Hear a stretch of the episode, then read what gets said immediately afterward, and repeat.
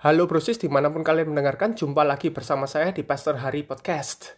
Hari ini kembali saya mengajak kalian masuk dalam perenungan ringan ala-ala saya. Nah cerita yang ini, ya ingat banget saya, cerita ini membuat saya merasa konyol. Dengerin, suatu saat saya diminta oleh kantor saya yang adalah sebuah sekolah, ya dulunya saya pernah bekerja di sini, saya pernah bahas, untuk pergi ke suatu tempat untuk sebuah urusan pekerjaan. Pergilah saya dengan motor, Singkat cerita, setelah urusan selesai, saya balik ke kantor. Dalam perjalanan balik itu, sudah dekat dengan kantor, ada operasi lalu lintas untuk memeriksa kelengkapan kendaraan dan surat-surat. Ini sih operasi resmi dan saya merasa tidak bermasalah. Dan saya kasih tahu ya, brosis di mana pun kalian berada, para polisi ini entah gimana, sangat cermat dan semacam punya insting yang keren untuk bisa membaca wajah pengendara, yang mana yang bersalah, yang mana yang enggak, mana yang punya SIM, mana yang enggak punya SIM. Nah, karena saya sempat juga bawa SIM lalu berusaha menghindar dulu nih pengalaman sebelum itu ya. Dan pura-pura semua aman. Eh tapi kok saya dimingin juga? Dari situ saya tahu bahwa polisi ini pinter. Bisa lihat siapa yang bawa SIM siapa yang nggak bawa SIM. Sementara orang-orang lain dibiarkan lewat begitu saja. Nah kali ini ya kali ini cerita yang kali ini pas itu ada operasi saya sengaja tidak menghindar. Padahal pak polisinya sudah menyuruh saya lewat sebenarnya. Dan saya membiarkan diri saya masuk ke area pemeriksaan.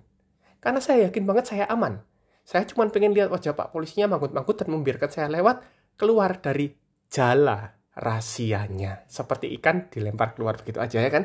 Dan tahu nggak? Ternyata saya nggak bawa STNK. Saya berusaha mengingat di mana STNK saya.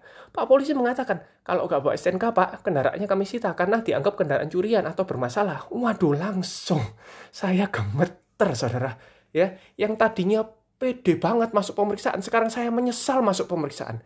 SIM-nya sih ada, STNK-nya saya pikir di mana ya? Saya berusaha mengingat, saya kasih alasan Pak polisinya bahwa saya orang baik-baik, saya guru di sekolah dekat sini. Tiba-tiba saya ingat, STNK itu ada di kantong jaket denim saya yang saya nggak bawa hari itu, yang semalam saya pakai waktu ke mall bersama istri saya dan itu tertinggal di rumah istri saya. Waktu itu masih jadi pacar saya. Tahu kan, kalau ke mall naik motor, keluarnya harus tunjukin STNK dan tiket parkir, toh? Nah, setelah itu saya masukkan ke saku jaket bukannya ke dompet karena saya pikir nanti aja dimasukinnya, tapi saya lupa. Lalu saya beritahu Pak polisinya, dia bilang ya ditelepon aja, biar STNK-nya diantar dalam waktu satu jam. Kalau tidak, motor kami sita. Singkat cerita, SIM akhirnya diantar oleh adik ipar saya. Hampir satu jam saya menunggu di pinggir jalan bersama Pak polisi, seakan seperti maling motor yang ketangkep. Hmm, bayangin. Nah, saya belajar hari itu untuk tidak terlalu sombong dengan apa yang saya kira ada pada saya.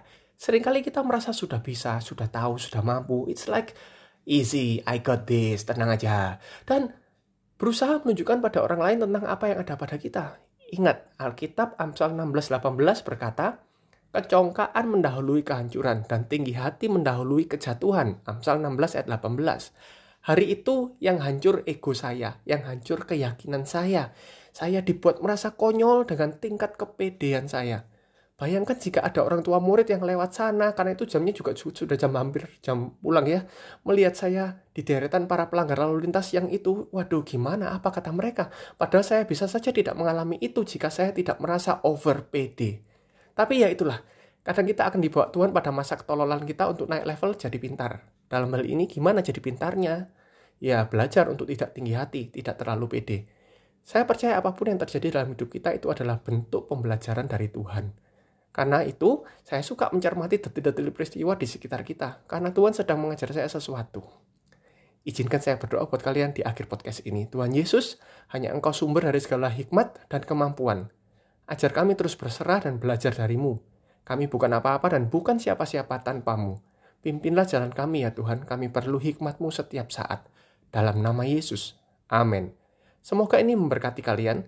Jika Brusis ingin terhubung dengan saya lebih lagi, ikuti saya di Instagram at Haryadi Sutanto, H-A-R-I-Y-A-D-I Sutanto.